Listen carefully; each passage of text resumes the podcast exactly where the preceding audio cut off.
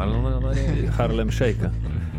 Harlem Shake. Aš Harlem Shake, aš jau debunkinu ir Ghostbustinu Harlem Shake, ne, ne Staliną. Mes solidarizuojamės su visom Harlem Shake aukom. Tikrai nemenkinam jų, jų patirties. Labą dieną, vakarą ar naktį geriausiai žmonės.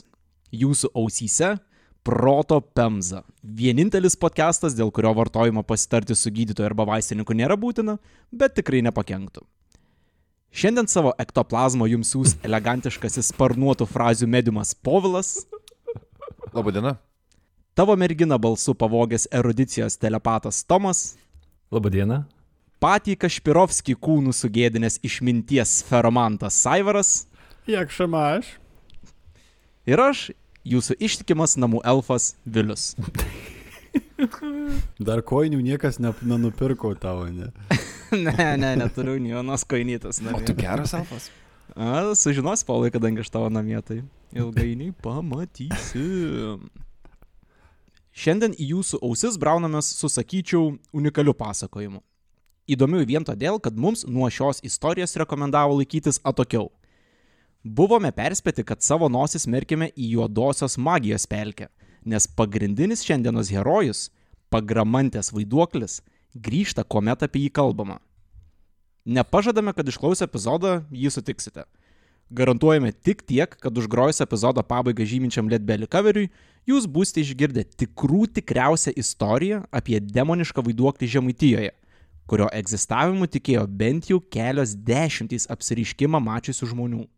Tai grįžtam prie žemaitėjos iškart su sunkia ar- artilerija. Kad pusiaukelėje tarp skuodo ir sedos įsikūrusioje pagramantėje dėjosi keisti dalykai, mes žinome tiksliai. Kodėl? Nes su dar gyvais liudininkais ir jų artimaisiais teko tiesiogiai ir ne, tačiau pasikalbėti. Prieš beveik septynias dekadas vykusi susidūrimą su pagramantės vaiduokliu, to paties pavadinimo knygelėje prašė toks kunigas Vladas Šlevas. Jis buvo vienas pirmųjų oficialių asmenų atvykusių į įvykio vietą. Ir jei ne jis, ši istorija veikiausiai te būtų likusi kaimo folkloro dalimi. O kaip jis atvyko ten? Aha, čia iškvietimą gauti. Tipo, Ar kryžius užsidegė žvakes danguj? iškėlė į aukščiausią pastatą kaimo.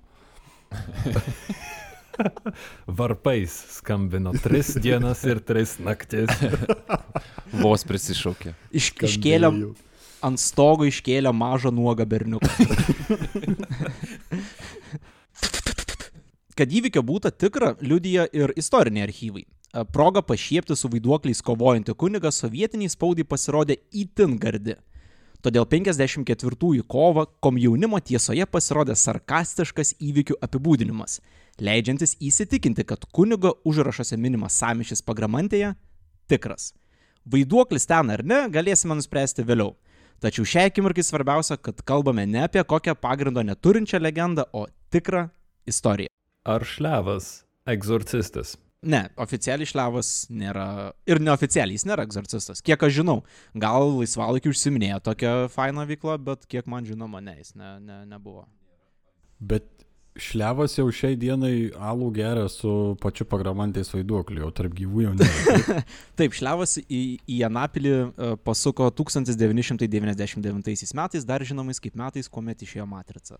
O, nu, kažkaip tai nestebina. Sutapimas? I don't Tikriausiai taip. tai ilgomis teorijomis apie vaiduoklius šiandien jūsų nevarginsime, Yes. varginsime trumpomis. Rengiantis šiandienos epizodui teko pavartyti Tomo Ogdeno knygą taikliu pavadinimu Complete Idiot's Guide to Ghosts and Hauntings. Rosemary Gilly traktatą Encyclopedia of Ghosts and Spirits. Spalvingumo istorijai suteikia pokalbiai su liudininkais bei įvairūs straipsniai internete. Pokalbiai su tikrais liudininkais e, Lietuvoje?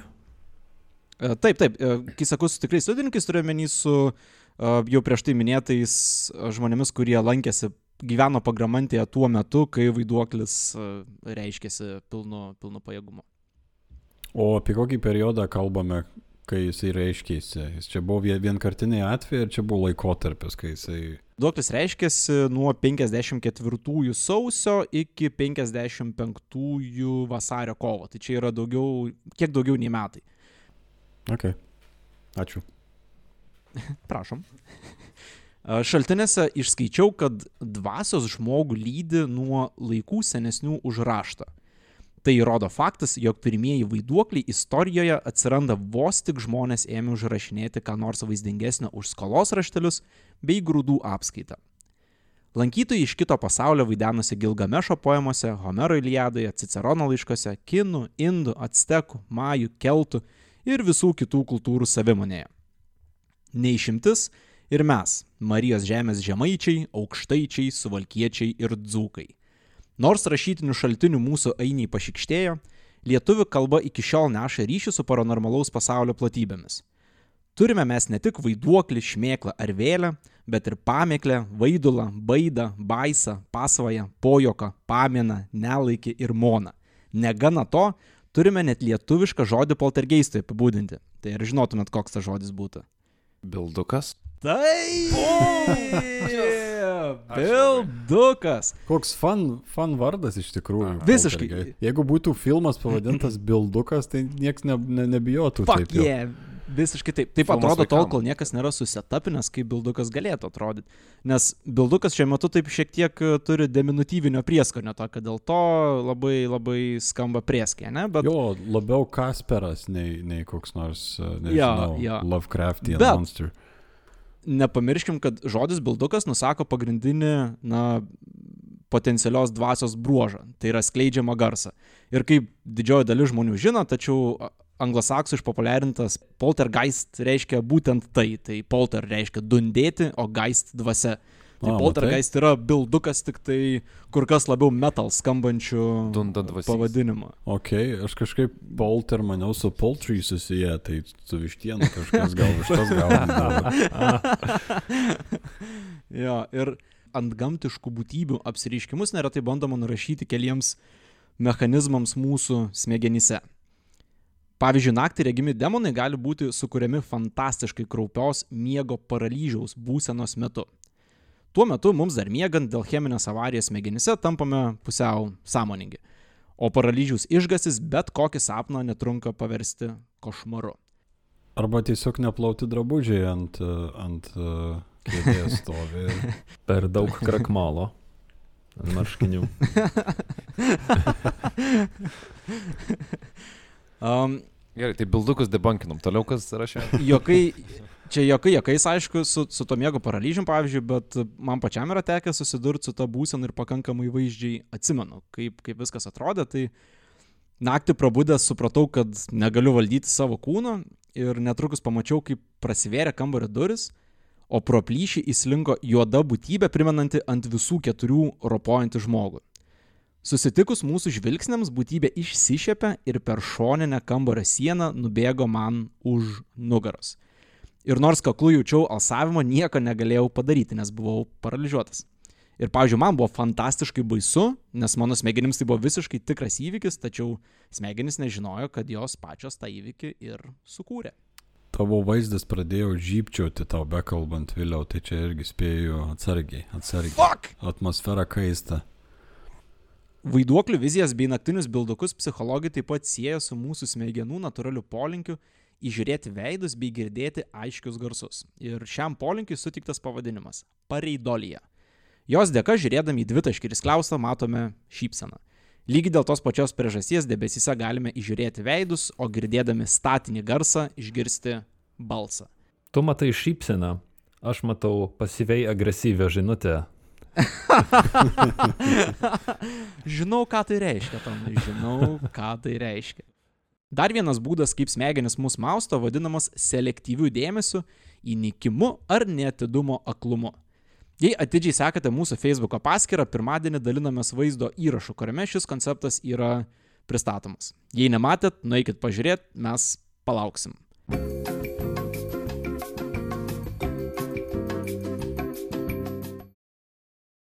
Kas nesat matę, tai yra kambarys, kuriame yra keturi žmonės su baltai, apsirengę baltai, keturi žmonės apsirengę juodai ir žmonės su juodais marškinėliais mėto vieni kitiem kamolį. Ir tau reikia suskaičiuoti, kiek kartų tas kamolys yra perduodamas. Ir kol tu skaičiuoji į vidurį kambario ir įeina žmogus apsirengęs gorilos kostiumu. Ir didelė dalis žmonių to nepastebė. Aš pabandžiau su savo mylima Gabrielė šitą irgi nepastebėjo, kad įeina gorila. A, Aš pats nepastebėjau, kai žiūrėjau pirmą kartą, tai čia nėra toks retas dalykas, kad taip nutiktų. Ir tyrimai rodo, kad tame vaizdo įraše gorilas nematantis žmonės yra labiau linkę į tikėjimą paranormaliu pasauliu. Kitaip tariant, įnikę į savo mintis matome tik dalį realybės ir tokios būsenos pamatę, pavyzdžiui, judančias duris, galime visiškai nepastebėti vėjo gūsio ar prabėgusio katino. Tu sakai linkę tikėt. Aš sakau linkę matyti tikrovę. Jeigu mato vaiduoklį, tai čia, jeigu mato daugiau, mato tą, ko kiti nemato, tai čia blogai. Nebent tai yra gorila, tada tai jau yra gerai. Jo, tai pats, na, kaip suprantu, pats reiškinys veikia tokiu būdu, kad jeigu tu sutelki dėmesį į vieną konkrečią situaciją, tai tu labai tikėtina, kad gali kažko, na, nepamatyti. Ypatingai įsivaizduokime, esame miške, šiek tiek bijome, kad esame miške, kažkas sujuda, šviesos žaidimas, dar kas nors ir žiūrėk, yra istorija apie ten raganą ant šluotos ar, ar dar ką nors. Turbūt daug reikšmės turi ir lūkesčiai, kultūrinis kontekstas, kiek tu esi pripratęs ir jeigu tu eini naktį in kapinės, tai kaip ir prisibijai dėl to, kad prisižiūrėjai e, siaubo filmų. Aš pavyzdžiui turėjau e, laikotarpį, kada labai daug žaidžiau šitais e, stealth games, nu, kur turi slėptis.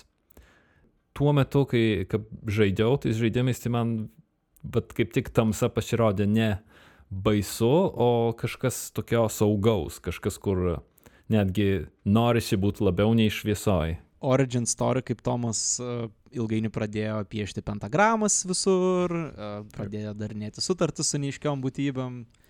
Ne, ne, pentagramai buvo prieš tai. Uh, Prieš pasitraukiant į šešėlį, Turime prasidėti. tampant šviesos disidentų. Nu, aš nežinau dėl kapinių baisumos, iš kur tu čia traukia tokius dalykus, man tai siejasi su iš scenos pas keulinį filmu, kur tiesiog nuoga moteris puola į seksualinius santykius su kažkokiu tai jack. Priklauso viskas nuo to, su kuo tu esi kapinėse tikrai. Jo, jo, jo. Kiek esu buvęs, nei karto man taip nebuvo kapinėse. Netoj tamsoj buvai. Kol kas. Search continues.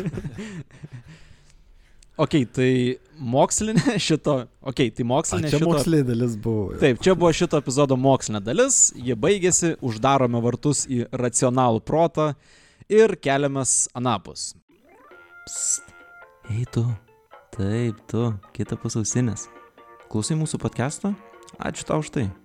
Jei patinka, ką girdi ir nori išgirsti daugiau, dalinkis mūsų laida, rekomenduok draugui ir bendradarbiui.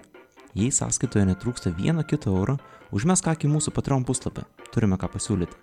Ir nepamiršk, kiekvienas tavo pasidalinimas Aivaro balsui prideda po papildomą oktavą. Ačiū. Pirmiausia, tai terminą vaiduokliai ar ghosts vartoja tik visiški paranormalaus pasaulio piemenis.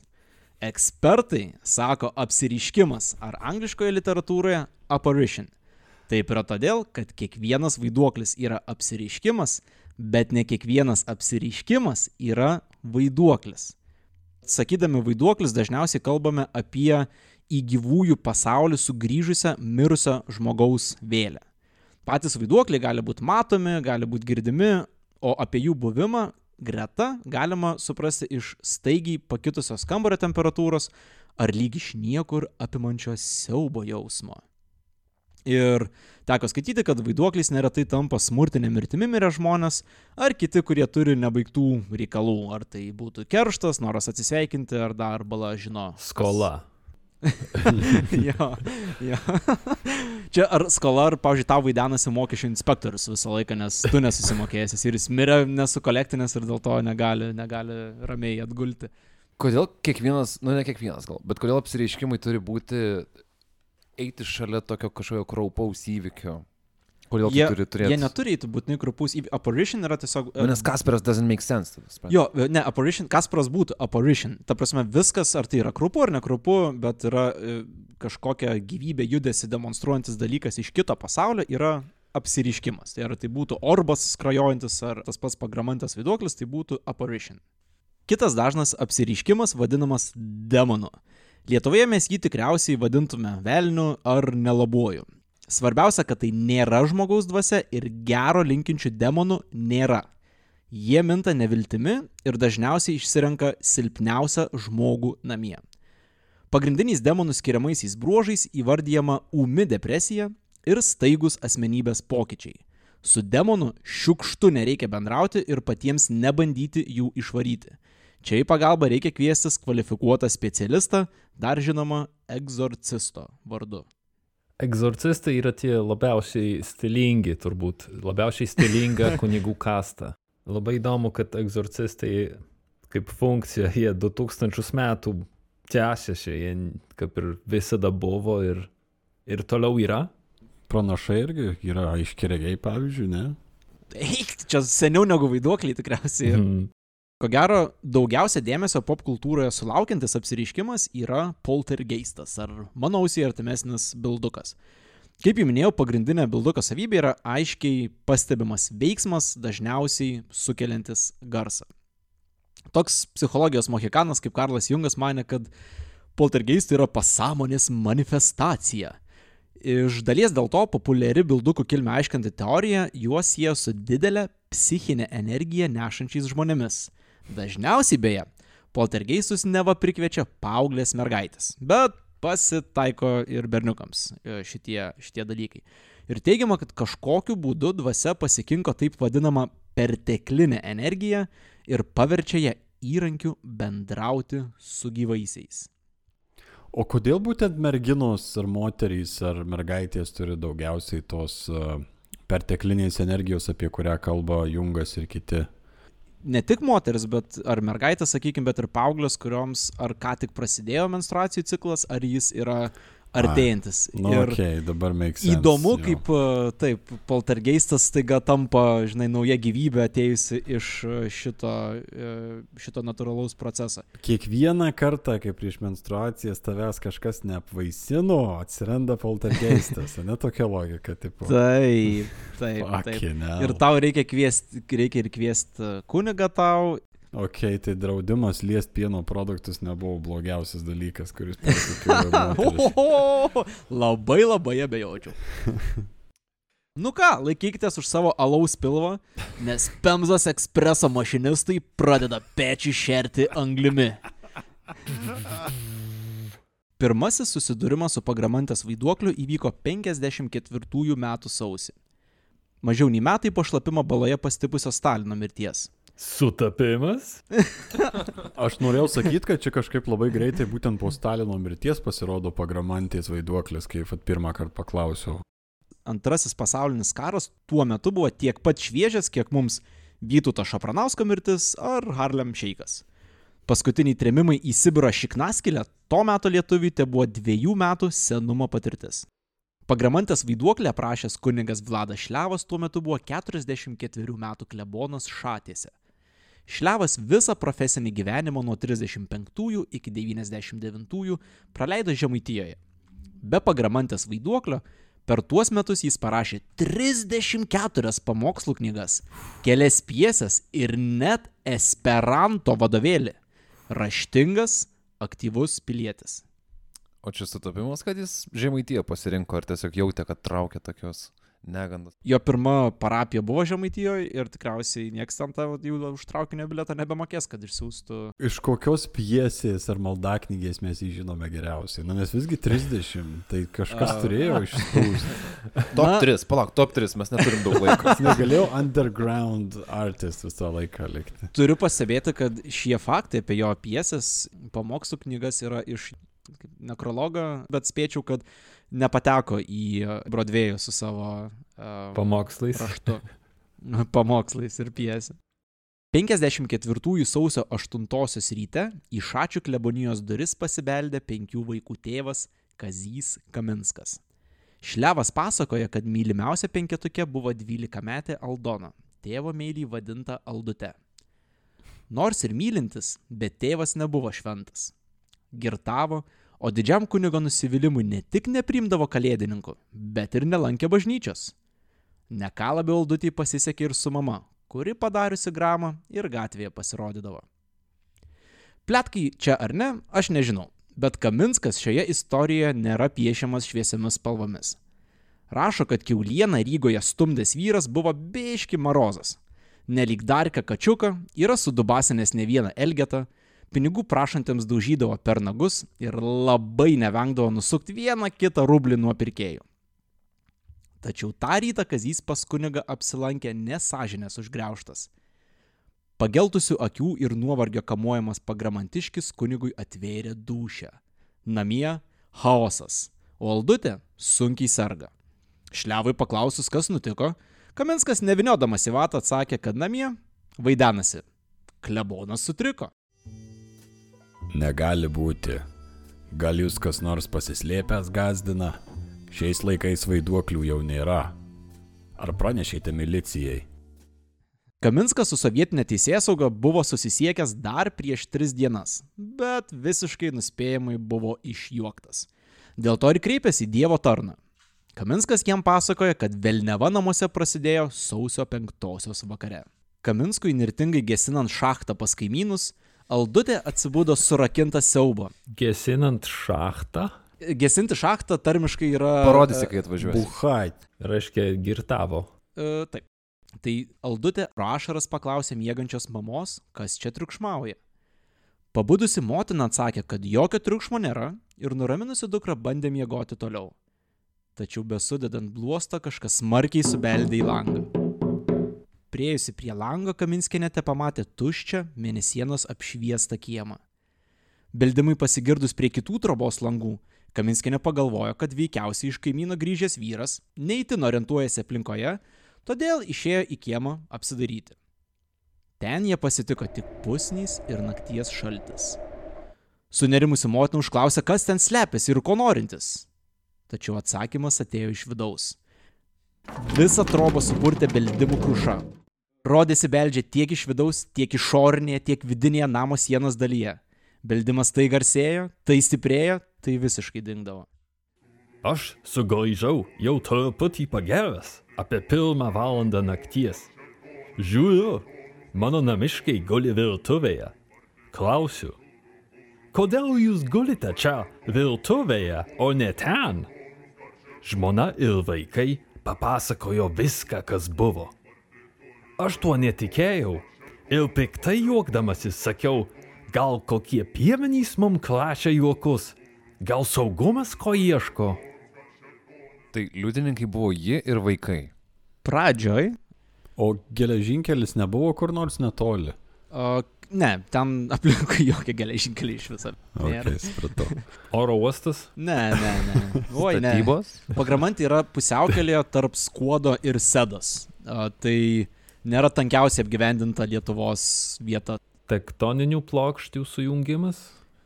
Gali būti. Mustangų kaimeniai? Jo, tas žymios žemaitukų kaimenis. Man čia šitoje vietoje įdomu, kad a, pirmas dalykas, ką Kaminskas pagalvojo, tai kad, na, piemenis arba saugumas, kas daugiau 54 metais galėtų ko nors naktį ieškoti. Plauk, tai kiek žemaitijoje yra piemenų iš vis, kad e, sukrės. Kad vieną namą apibelsti galėjo.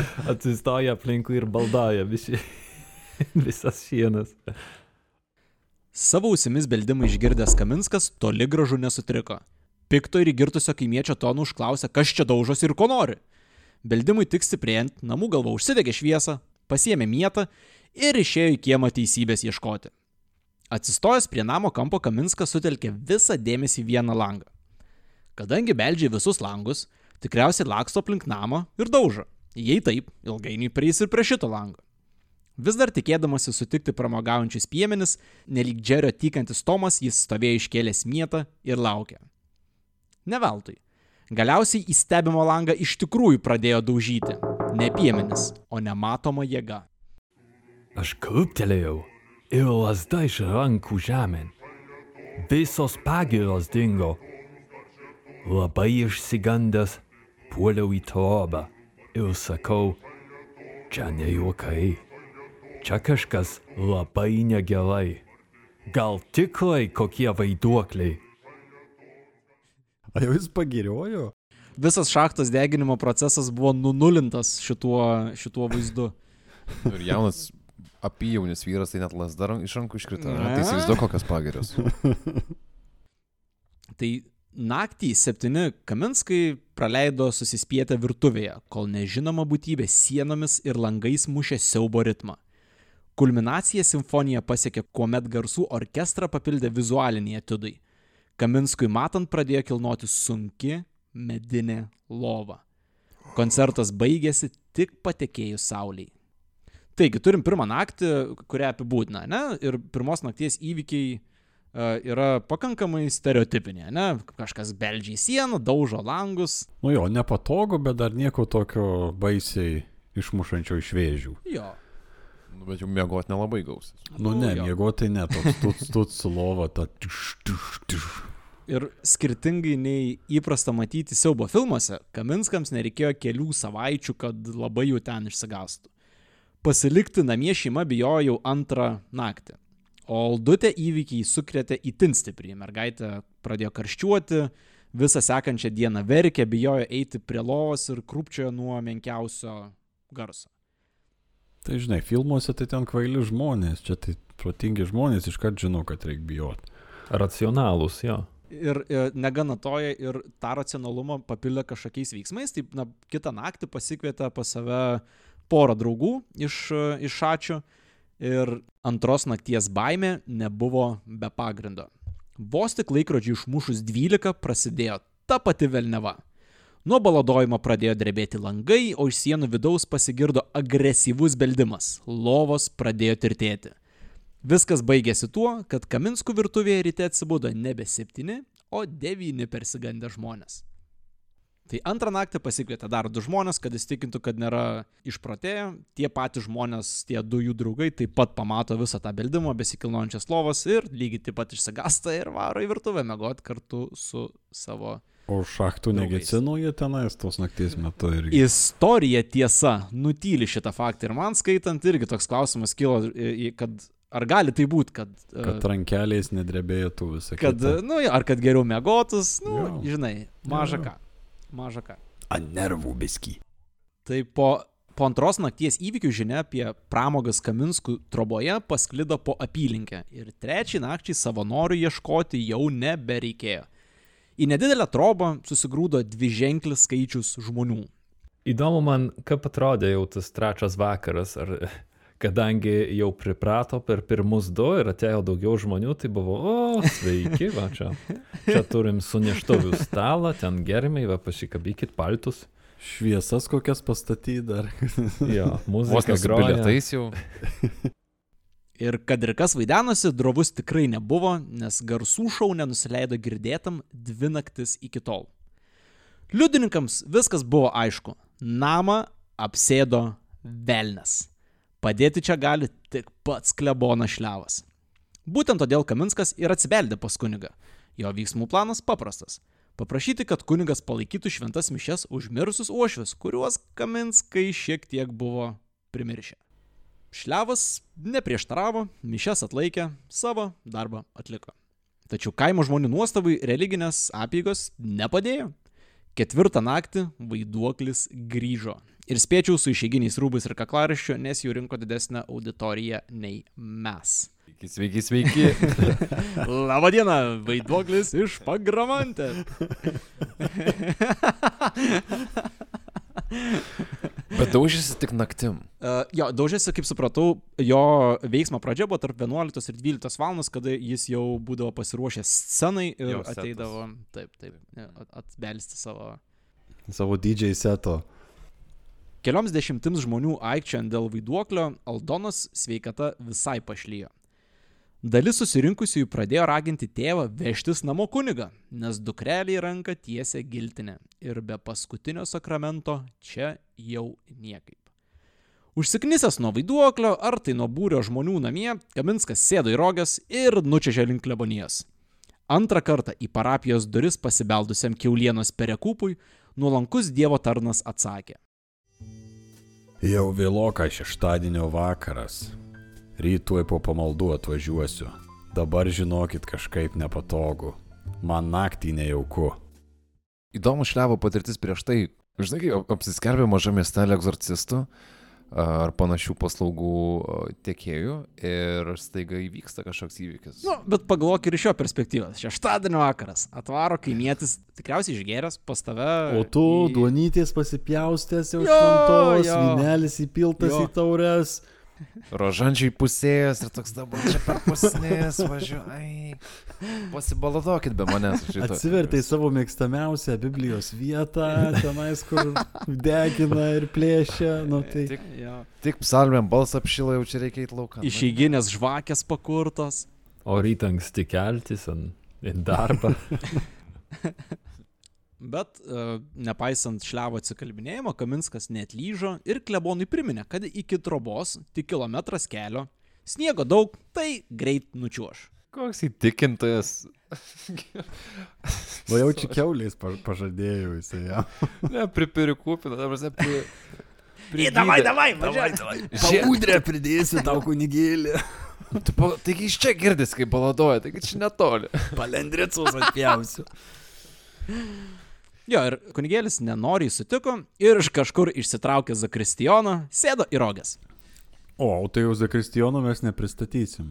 Jo, jo niekas ir nepristatė, buvo tiesiog o. personažas įvardintas. Matai, Šlevas, kadangi rašė, jis žinojo, kas yra tas Zakristijonas, nematė reikalo ten labai jo apibriežti e, vardais ir pavardėm. Jis turi aiškę funkciją. Kaip tikras- Zakristijonas. Kaip tikras Robinas. Jo, nerūpi, tai niekam neįdomu. Žinai, su tokiais nuotykiais gal jis taip dažnai keisdavo tuos zakristijonus, kad nenorėjo prisirišti per daug. Jo, jie kaip morčiai tokie e, interchangeable visą laiką. Yra varai turgų, pasiemi keulienas, Zakristijoną kitą. Nuomotas. Jo, dar neišsimokėjau šitą, ne, ne, niekur nevažiuosime šiandien. Nereikia vardų, nereikia paskui per daug.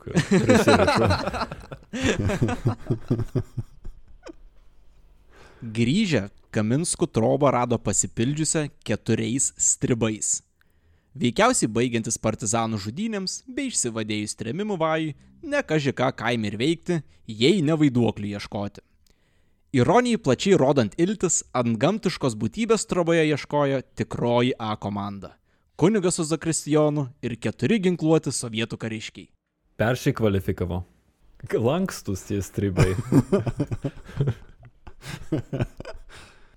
Paieškos buvo bevaisės. Jokių ertmių, kuriuose galėtų slėpti žmonės, niekas nerado, o kambaryje įsivyrujant tylai beldimas grįžo. Namams skambant šlevas ramino Aldoną sakydamas, kad jai nėra ko bijoti. Tuo pat metu aplinkiniams liepdamas nuo sienų atitraukti baldus ir susėsti viename kambaryje. Pats klebonas įsitaisė kambario vidury ir ėmėsi iniciatyvos. Kas tu esi, kur čia beldi? Ar vyro ar moters dvasia? Jei moters, subels tris kartus, jei vyro penkis kartus. Kaminskų troboje buvo vyro vėlė. O gal, nu, gal tiesiog didelė moteris. Trys garsiai ir du tokie tyliau. Toks keistas uh, įsivaizdavimas, kad, kad, kad vaiduokliai skaičiuoja tokiais pačiais tempais kaip ir žmonės paprasti. Meanwhile, koks nors užstrigęs kaimynų berniukas ant ketvirtą dieną tarp sienų bando išsibelsti laukan. Čia tas čia pirmasis zakristijonas šlevo. Iš lauko beldžiasi už tai, kad šalta, užvakytos durys. Vaiduoklis šlevui prisistatė Kaminskienės tėvu. Už jo vėlę niekas nelaikė mišių, todėl ji likusi tarp žemės ir dangaus. Šatėse pasiprašęs šventų mišių vaiduoklis prisipažino, kad vaidensis dar dvi dienas, tačiau kunigas net lyžo. Ar dukrelė Eldona mirs? Mirs. O ar Aldona pasveiks nuo lygos? Pasveiks po šešių dienų. Tu pragarė ar skaistykloje? Skaistykla. Ar sunkiai kenti skaistykloje? Sunkiai, mūsų čia labai nedaug. Ko tu nori iš Aldonos?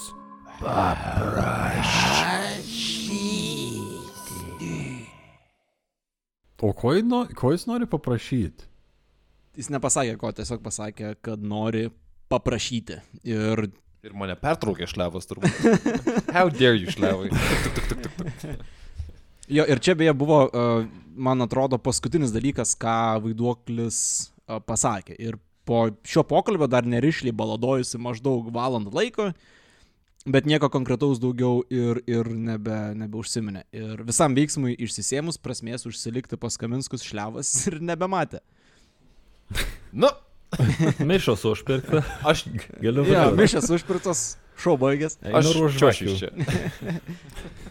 Jo, bet prieš išvažiuojant, kad išsklaidytų visas abejonės dėl sienose pasislėpusių žmonių, mestelėjo tokią kunigui neįtin įprastą idėją.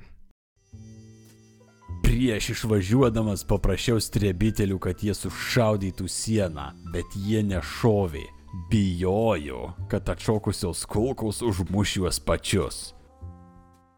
Atlikę darbą kunigas su Kaminsku, vargonininku, zakristijonu ir vienu pagalbininku sėdo į rogas ir patraukė klebonijos link. Palauk, palauk, palauk, palauk, palauk. O kada ten vargonikas spėjo atsirasti? Aha. Man atrodo, mes įminėm pagramantais vaiduoklio myslę. Taip, nepaminėjau pradžių, bet kai pasigrebė zakristijoną iš, iš papečiaus kažkur, tai kartu ir vargonininką. Ai, tas pritamnas visą laiką. Jisai, matai, turėjo turėti atmosferą tinkamą, tai turėjo, kad ir kažkas muzika gamytų visą tuo metu. Tiesą pasakius, vargoninkas su zakristijonu tokie yra ir abu sidekickai, kurie uh, ten ieškojo tų beldimų, dairėsi, ar čia nėra kažkokių tai netikėtumų, na, ale padėjo šliavui susiformuoti tokį vaizdą, kokį jis susiformavo. Vargonikas buvo tas nuo technologijų tikriausiai atsakingas. Taip, taip, taip, taip. The tech guy, ta prasme. Jei kur įsilaužti reikia. Bomb expert. Zakristijonas vairuotojas. Jis gali vairuoti bet kokias rogės. Jis pat tas getaway guy, ne, kur gali per šiam sekundžių su bet kokiom rogiam pabėgti iš bet kokio pašto apiplėšimo. Gerai, tai mes čia einam su vargoniko, tu su kratus aplink namą. Lauk, kol išeisim. Tai jie visi susėdo į rogės ir patraukė klebonijos link. Manydami palikę vaiduoklį už nugaros, vyrai sliuogė nejaukioje tyloje. Ramybė buvo apgaulinga. Lyg iš niekur nieko, nematoma jėga, kaip maišą iš rogių išmetė Kaminską. Paskui jį sekė Zakristijonas ir kartu keliavęs pagalbininkas. Šlevo vaiduoklis grėbėsi paskutinio. Klebonas į transporto priemonę laikėsi įsikabinęs iš visų jėgų, tačiau vaiduoklis net lyžo.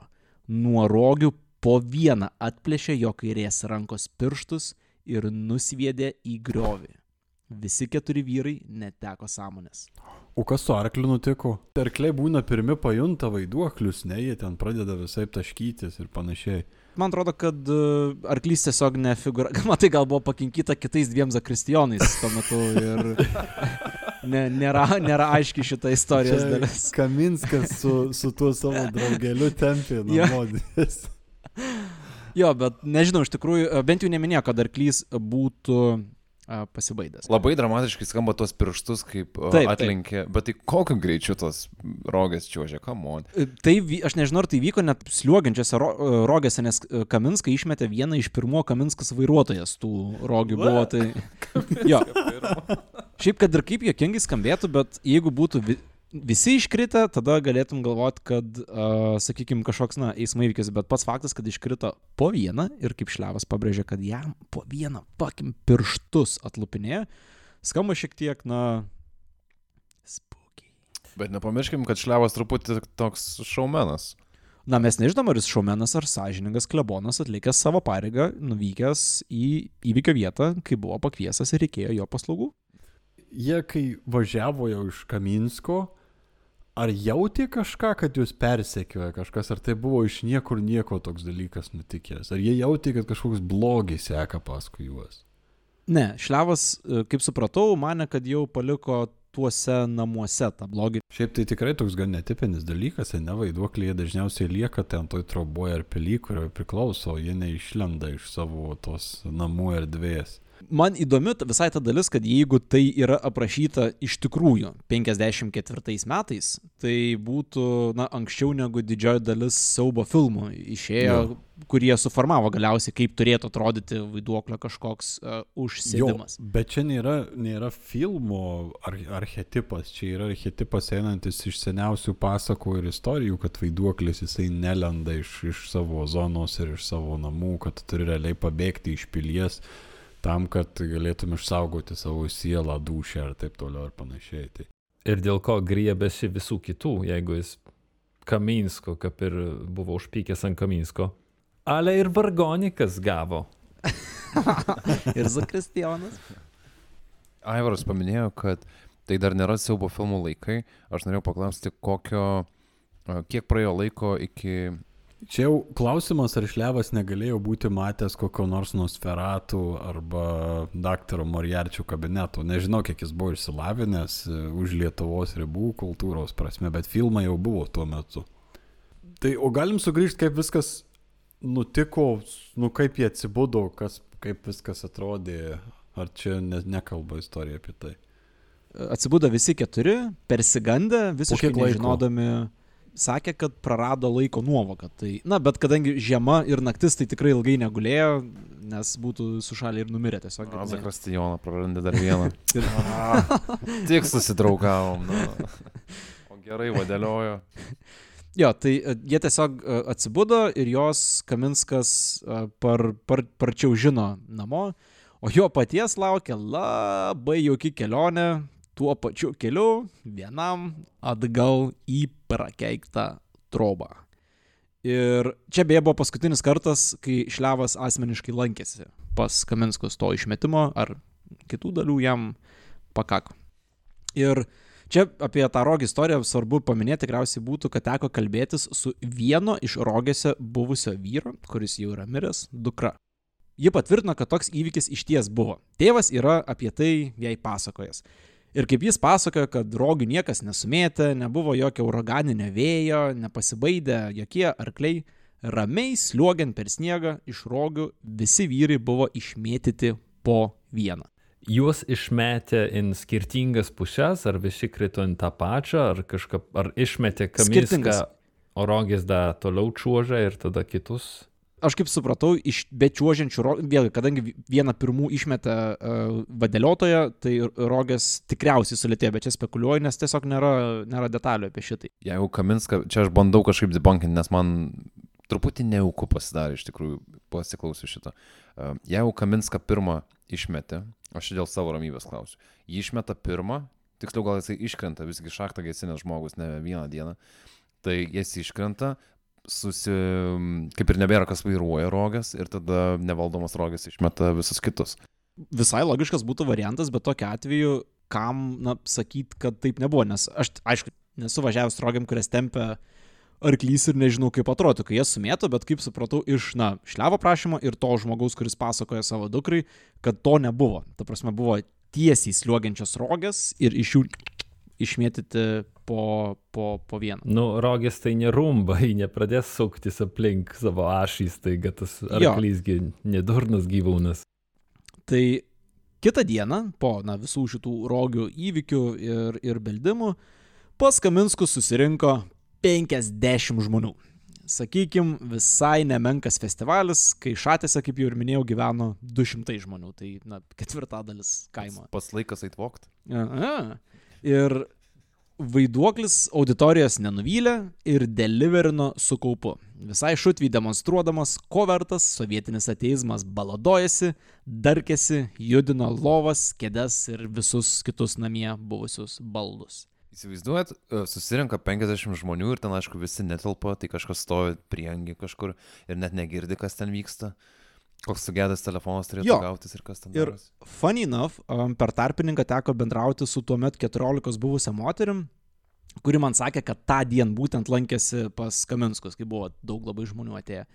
Ir sakė, kad baladojimasi silpnoka girdėjo, bet pridūrė, kad žmonių buvo tiek daug, kad būtų labai sunku atskirti, kur beldžiasi žmonės, o kur beldžiasi ne žmonės.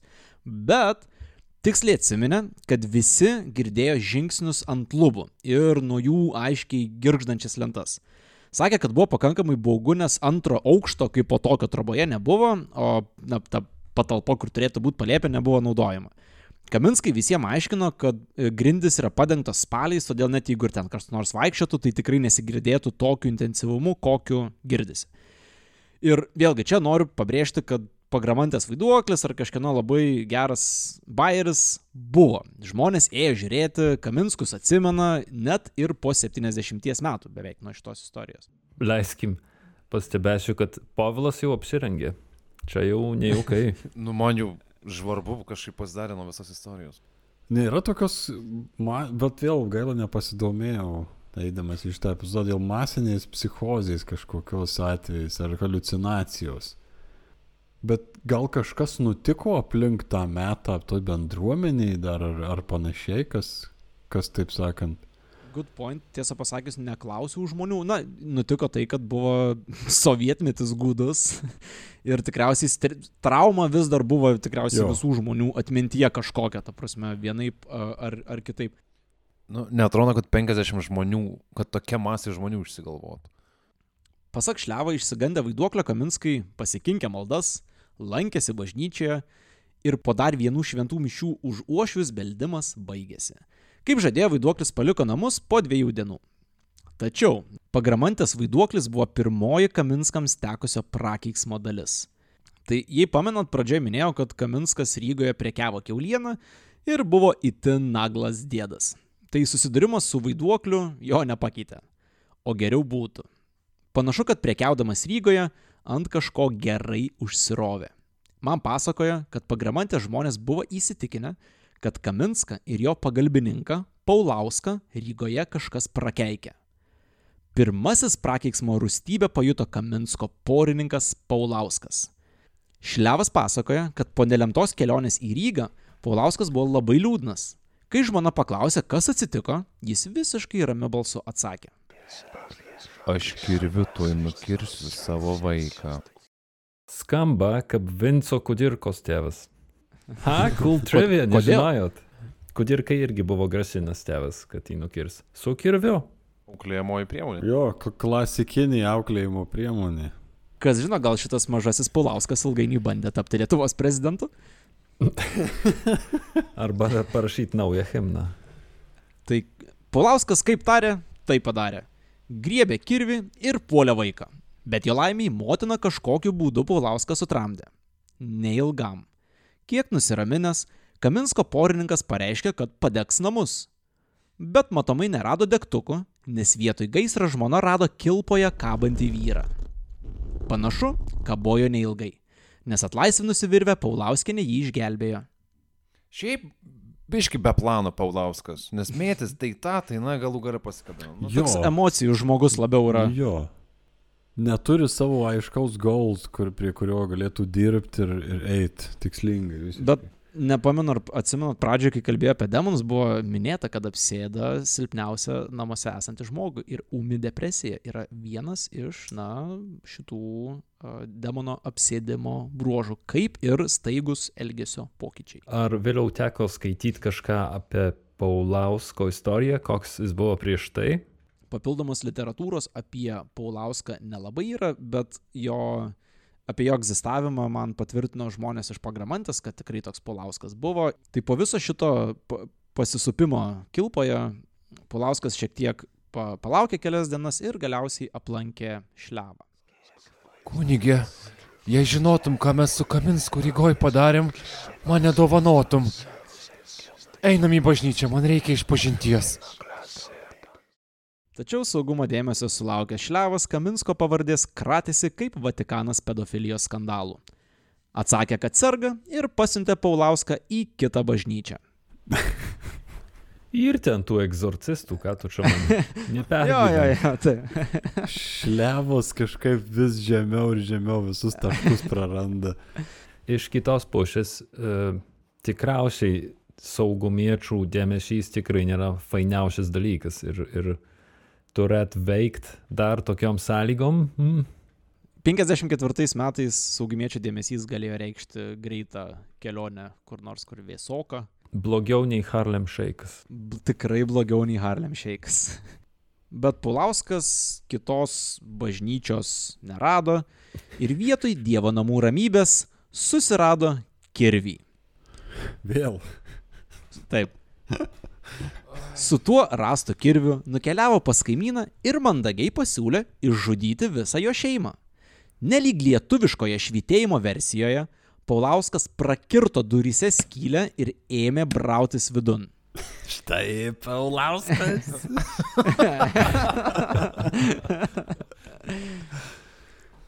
Į Paulausko spurtą pralaužtų durų savininkas atsakė kontrakirvio kirčiais puolėjų per galvą. Aik tu savo, čia kirvių mūšis buvo visiškas. Čia kirvių mūšis. Ir kirvių mūšio patirtis sužalojimai buvo visai nemenki, nes po kelių dienų Paulauskas ligoninėje mirė. Ei, gar... po garbingos kovos. Po Po garbingos kovos su, su kaimynais. Taip, ta prasme, nu čia aik tu savo. Wow. Ir mano šaltiniai pagramantė visų šios istorijos detalių negalėjo patvirtinti, bet patvirtino tiek, kad Paulauskas iš ties mirė po kelionės su Kaminsku į Rygą. Ir ar tai buvo demonas, ar tai buvo savižudybė, ar savižudybė svetimų kirčių į galvą, tiksliai pasakyti negaliu, bet faktas, kad šitas na, vargšas žmogus savo, savo gyvenimu atsisveikino. Aš tai kaltinu šlevą šitoj vietoj. Jeigu jis būtų davęs iš pažinties prieit, būtų viskas buvę normaliai. Čia šlevas yra visos istorijos kaltininkas galiausiai. Šiknius. Tuo tarpu Kaminskų namuose beprotybė sugrįžo paranormalių reiškinių pavydalu.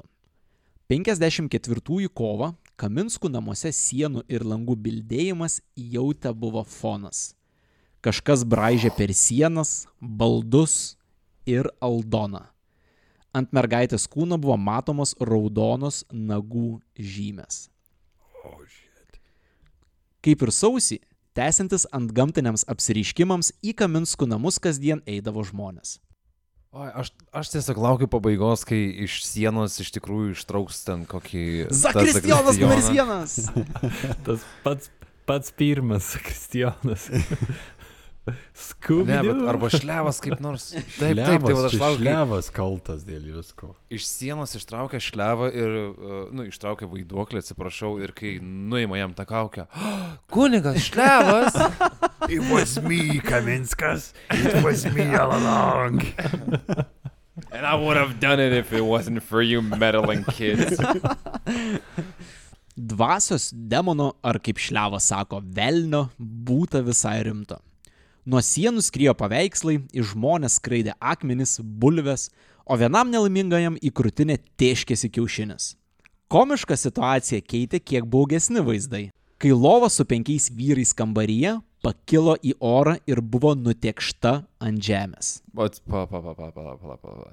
Visų pirma, tai Ką čia gal ne velnio darbas, o Dievo darbas. Ką penki vyrai lovai veikia? Ačiū, kad paklausai, Paulai. Penki vyrai lovoje sėdėjo tam, kad suvaldytų jos bildėjimą, nes lova kilnojasi į skirtingas, į skirtingas pusės ir jie atsėjo tam, kad prilaikytų a, besikilnojančią lovą, tai vietoj to, kad ją sulaikytų, jie buvo pakelti į orą ir nudrepti ant Nu, žemės. Čia jų versija, tarkim, gerai. Taip, čia tokia Fidešo versija būtų, man atrodo. Briuselį. o čia, čia vaidanas ir... Lova pradėjo kratytis, tai mes ją laikėm, pasidarė karštą nuo to laikymo, tai nusirengėm. A, demono darbas. Tai apie Kaminskų vaiduoklius vėl išgirdę vietiniai valdininkai nusprendė nebesitsaskinti ir išvežė Aldoną į skuodo ligoninę tirti. Tačiau kad ir kas buvo Kaminskų namuose, mergaitės paleisti nenorėjo. Vežant Aldutį automobilis nurėdėjo į griovį. Šitoje vietoje turiu pastebėti, kad Šlevas atskirai pabrėžia, kad vairuotojas buvo blaivus. O iš kur šlevas žino? Šlevas žino dėl to, kad jis tuo metu vis dar buvo pagramantė. Jį išsiuntė Velniop ne kovo mėnesį, o dar vėliau. Tai, na, Ok, tai čia jam perpasakojo viską, iš čia perpasakojo, ką jam sakė. Jis Taip, Pats nebuvo taip. vietoje. pats nebuvo, tačiau e, toje vietoje lankydavosi mūsų gerbiamas vargonininkas, kuris toks kaip jo vietininkas apylinkėje, jo šnipas, kuris eidavo pasižiūrėti, kas, e, kas vyksta. Ir, na, tikriausiai čia jo perpasakojimas yra Šlevui. Būsi mano akys ir ausys. Ūsus prisiklijavo dirbtinius. Ir... Eik iš čia tik vargonininkas, galvoju, nepažįsta. Kad ir kaip ten bebūtų, bet ligoninę pasiekti galiausiai pavyko. Bet langų beldimas, besikilnojančias lovas pasiekė ir Aldonos palatą, kurioje be jos buvo ir daugiau pacientų. Vidury viso pirmą naktį girdėto chaoso mergaitė aplinkiniams te pasakė. Dvasia jau atėjo. Po trijų savaičių chaoso, kelių ant žemės numestų felčerių ir aibės išgazdintų pacientų, Aldutį teko grįžti į pagramantę. Pasak Šlevo, vienas įspūdingesnių susidūrimų su nelaboju Kaminsku troboje nutiko besilankant Klaipėdos vikarui Broniui Burneikiui. Ta naktį 15 žmonių akivaizdoje vaiduoklis stumdė kunigą, tiesiog talžė sienas ir pradėjo agresyviai pulti Aldoną. Palik mane, aš tik vikaris, manęs neparuošė seminarijoje.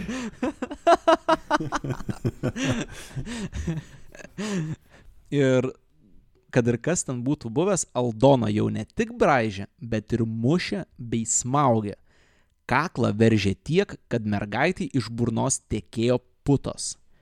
Baisiausia ko gero tai, kad visą šitą vaizdą matantys žmonės negalėjo absoliučiai nieko padaryti, nes nieko nematė. Visą šitą fantasmagoriją regėjo tik pati Aldona, kuri kartojo, kad ją laiko šešėlis. Yra labai tiksliai pasakyta 15 žmonių, tai aš kaip supratau, čia buvo ir šlevo tyrimas atliktas, jis ten nebuvo, bet jis iši, išieškojo, išsiklausinėjo. Labai gali būti, kad vienas iš ten buvusių žmonių yra mūsų paslaptingasis vargonininkas. Bet aš turiu klausimą, tai ką matė tik tai Aldona ir ką matė ir kiti? Nu, nes Jiem ramiai gulėjo. jinai? Kit, ne, kiti matė, kaip Aldona smaugia kažkas, jai krenta putos iš, uh, iš, iš burnos, veržia kaklą, bet jie nemato, kas tą daro. Tuo tarpu Aldona vienintelė, kuri mato, kad ją kažkoks šešėlis ten, na, e, skriaudžia ir bando, bando pasmaugti, nežinau. Ir, ir taršoma kuniga irgi mato. Taip, ir taršoma kuniga, kuris pats irgi jaučia, perpasakoja šitą dalyką ir mato aplinkiniai žmonės tą patį. Kai mergaitės nesmaugdavo, kambaryje buvo aiškiai girdimi žingsniai. Kažkas sunkiai ėjo nuo lubų per sieną iki pat grindų. Aldona kartoja matanti, kaip po kambarį vaikšto juodas šešėlis su juodu švarku. Juodas šešėlis su juodu švarku. Ja, aš neįsivaizduoju, kaip Aldona galėjo tai išskirti, bet bet kuriuo atveju smurto pliūpsnį pasibaigus visi svečiai išsiskirstė savais keliais, palikė Kaminskus likimo valiai. A, klausykit, palikau vandenį. Turiu bėgti.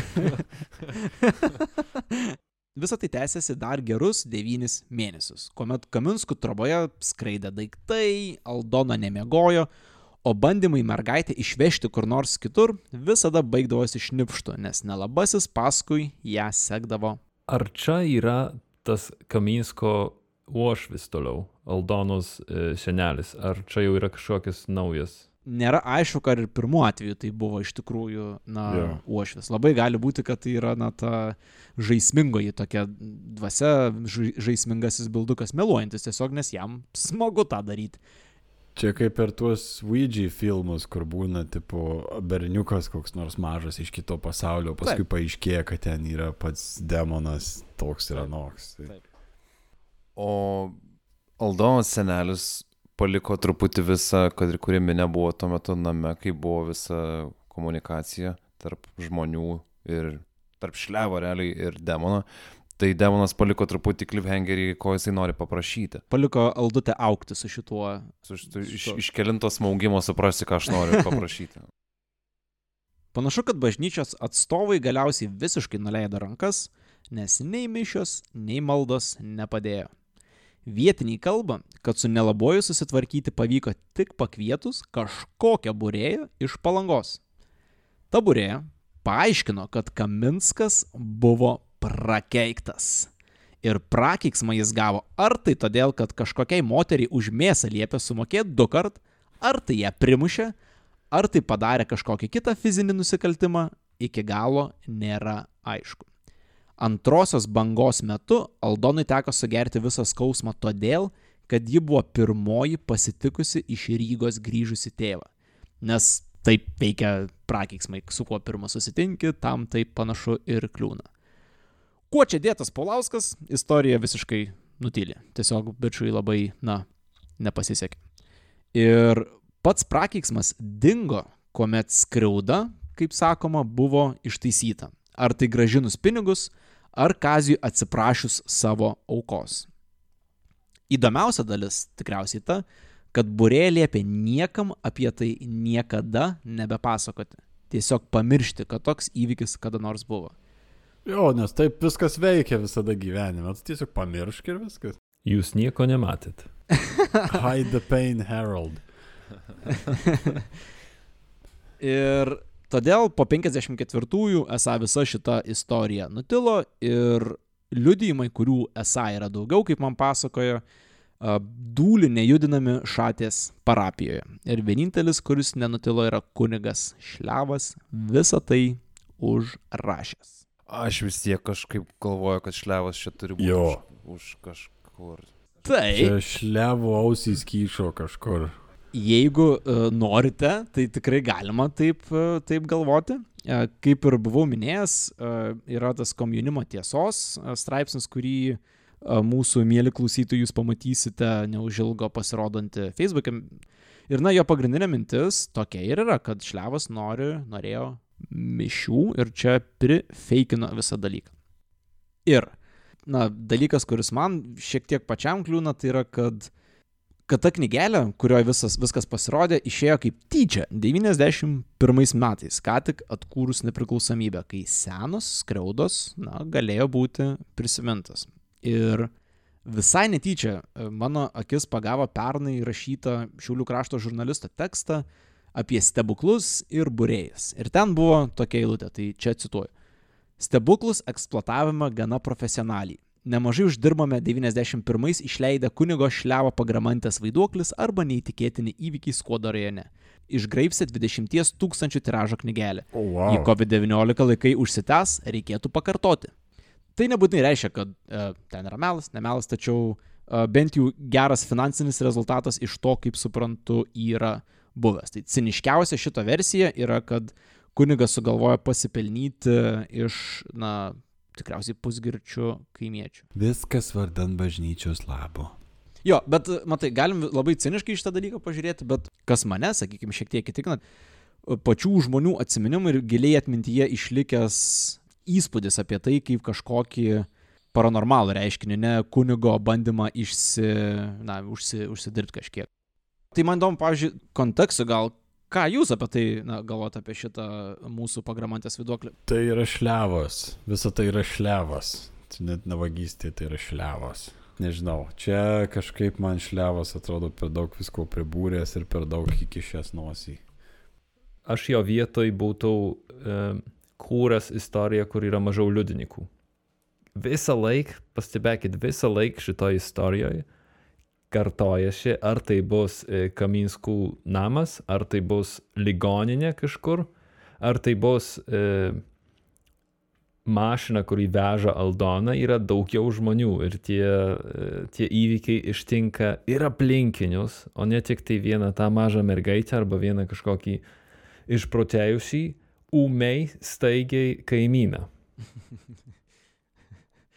Kai, kai buvai minėjęs tą dalyką, kad jeigu būtum šliavas, ten sakytum kitaip, man toks klausimas kilo, jeigu tu jau esi prisidirbęs šitą dalyką, kokio velnio tau iš viso publikuotis 20 tūkstančių tiražu? Ir čia yra vienintelė paranormalios tematikos knyga, kurią jis parašė, jo. Ten tos kitos piesės ar pamokslai yra, nu, okei, okay, pamokslai mažam ten yra fantastikos, ale... Ir ne. Esperanto vadovėlis. Aha. Nėra jokios e, mokslinės fantastikos, jokių kažkokių tai pramonų. Čia, sakykim, taip, mano akimis yra jo, na, vos neišpažintis, ne? Ar, ar bandymas pasiteisinti, kaip pažiūrėsi, taip, uh, taip, ir, taip ir pamatysi. Kitame šaltinė dar mačiau, na, e, autorius buvo nuvažiavęs į pagramantę šiek tiek anksčiau, kai dar daugiau buvo tų gyvų liudininkų ir irgi taip pat žmonės liudijo, kad, na, buvo toks, toks įvykis, uh, apie kurį mes šiandien kalbėjom. Tai jeigu ir norėjo teisinti na, jeigu šliavas iš tikrųjų pasielgia taip, kaip pasielgia, man įdomu, koks, na, koks motyvas kitų žmonių yra, ką jie iš to laimi. Tai vad gal aš ir pasakysiu, kad aš manau, kad sa, ta socialinė tokia dirba tokia situacija atsirasti ir būti kaip, kaip istorijai, kaip, tarkim, įvykiui. Gal jinai ir puikiai, ir gal tas kultūrinis toks kontekstas yra a, tinkamas tokia istorija atsitikti, bet visą tą maginę dalį man, vat, klebono šeidinės kažkaip a, uždeda tą tokį filtrą, kad, nu, ne. Šlevo šleifas, šleivas jisai nuolatos velkasi paskui šitą istoriją ir man tas nepatinka. Tuom pačiu atrodo, vienintelis būdas jomi šitos istorijos nepriimti yra diskredituoti šlevą už tai, kad jeigu priimsim prielaidą, kad jisai neturi reikalo meluot ir nėra kažkokias mitomanas, tai tada pasidaro biskį kraupu.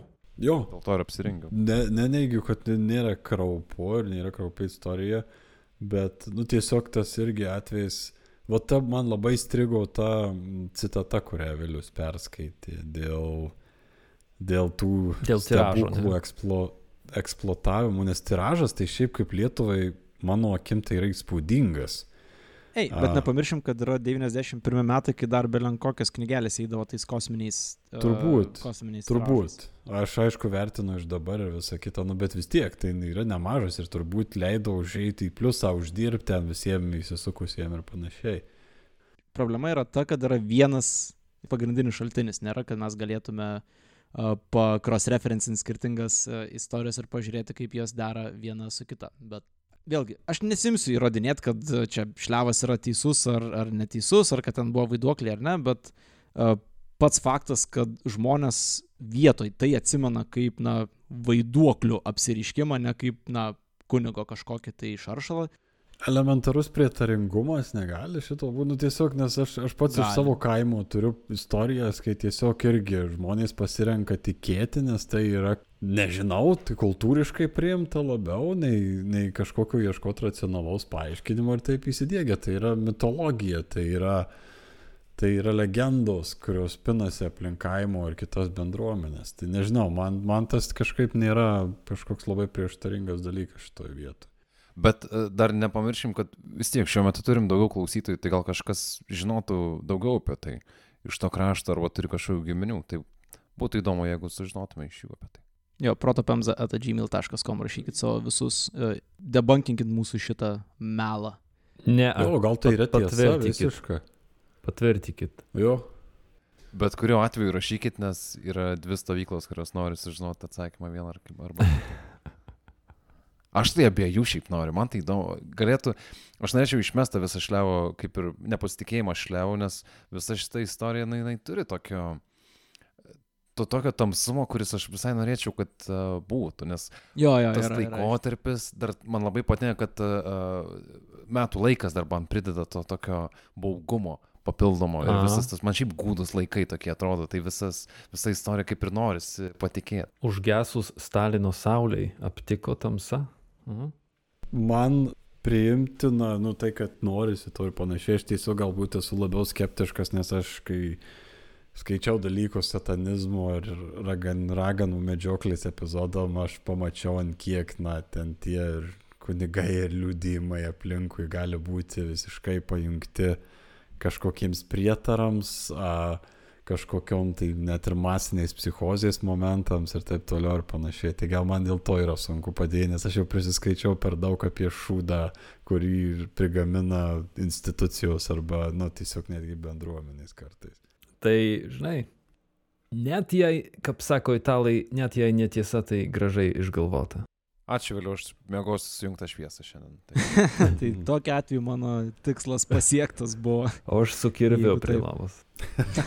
Tu Atsargiai su kaimynais. Pas kaimynus eisi. Oi, nebūk, nebūk Paulauskas. Nebū- Paulauskas. Tokiu atveju ačiū visiems, kas uh, klausėt, išbuvot su mumis šį vakarą. Buvo malonu jums kalbėti. ir- Parašykit, ką manot, kad vaiduoklis norėjo paprašyti. Jo, ko vaiduoklis galėjo paprašyti. Tai iki kitų kartų. Viso. Taip, Iki. ir atsargiai rogė važiuoja. Iki. Iki. Jei patiko, ką girdėjai, gali nesunkiai mums padėti. Pasidalink laidą ar pranešk draugui. Mes, kaip pagramantės vaiduoklis, gyvename jūsų istorijose.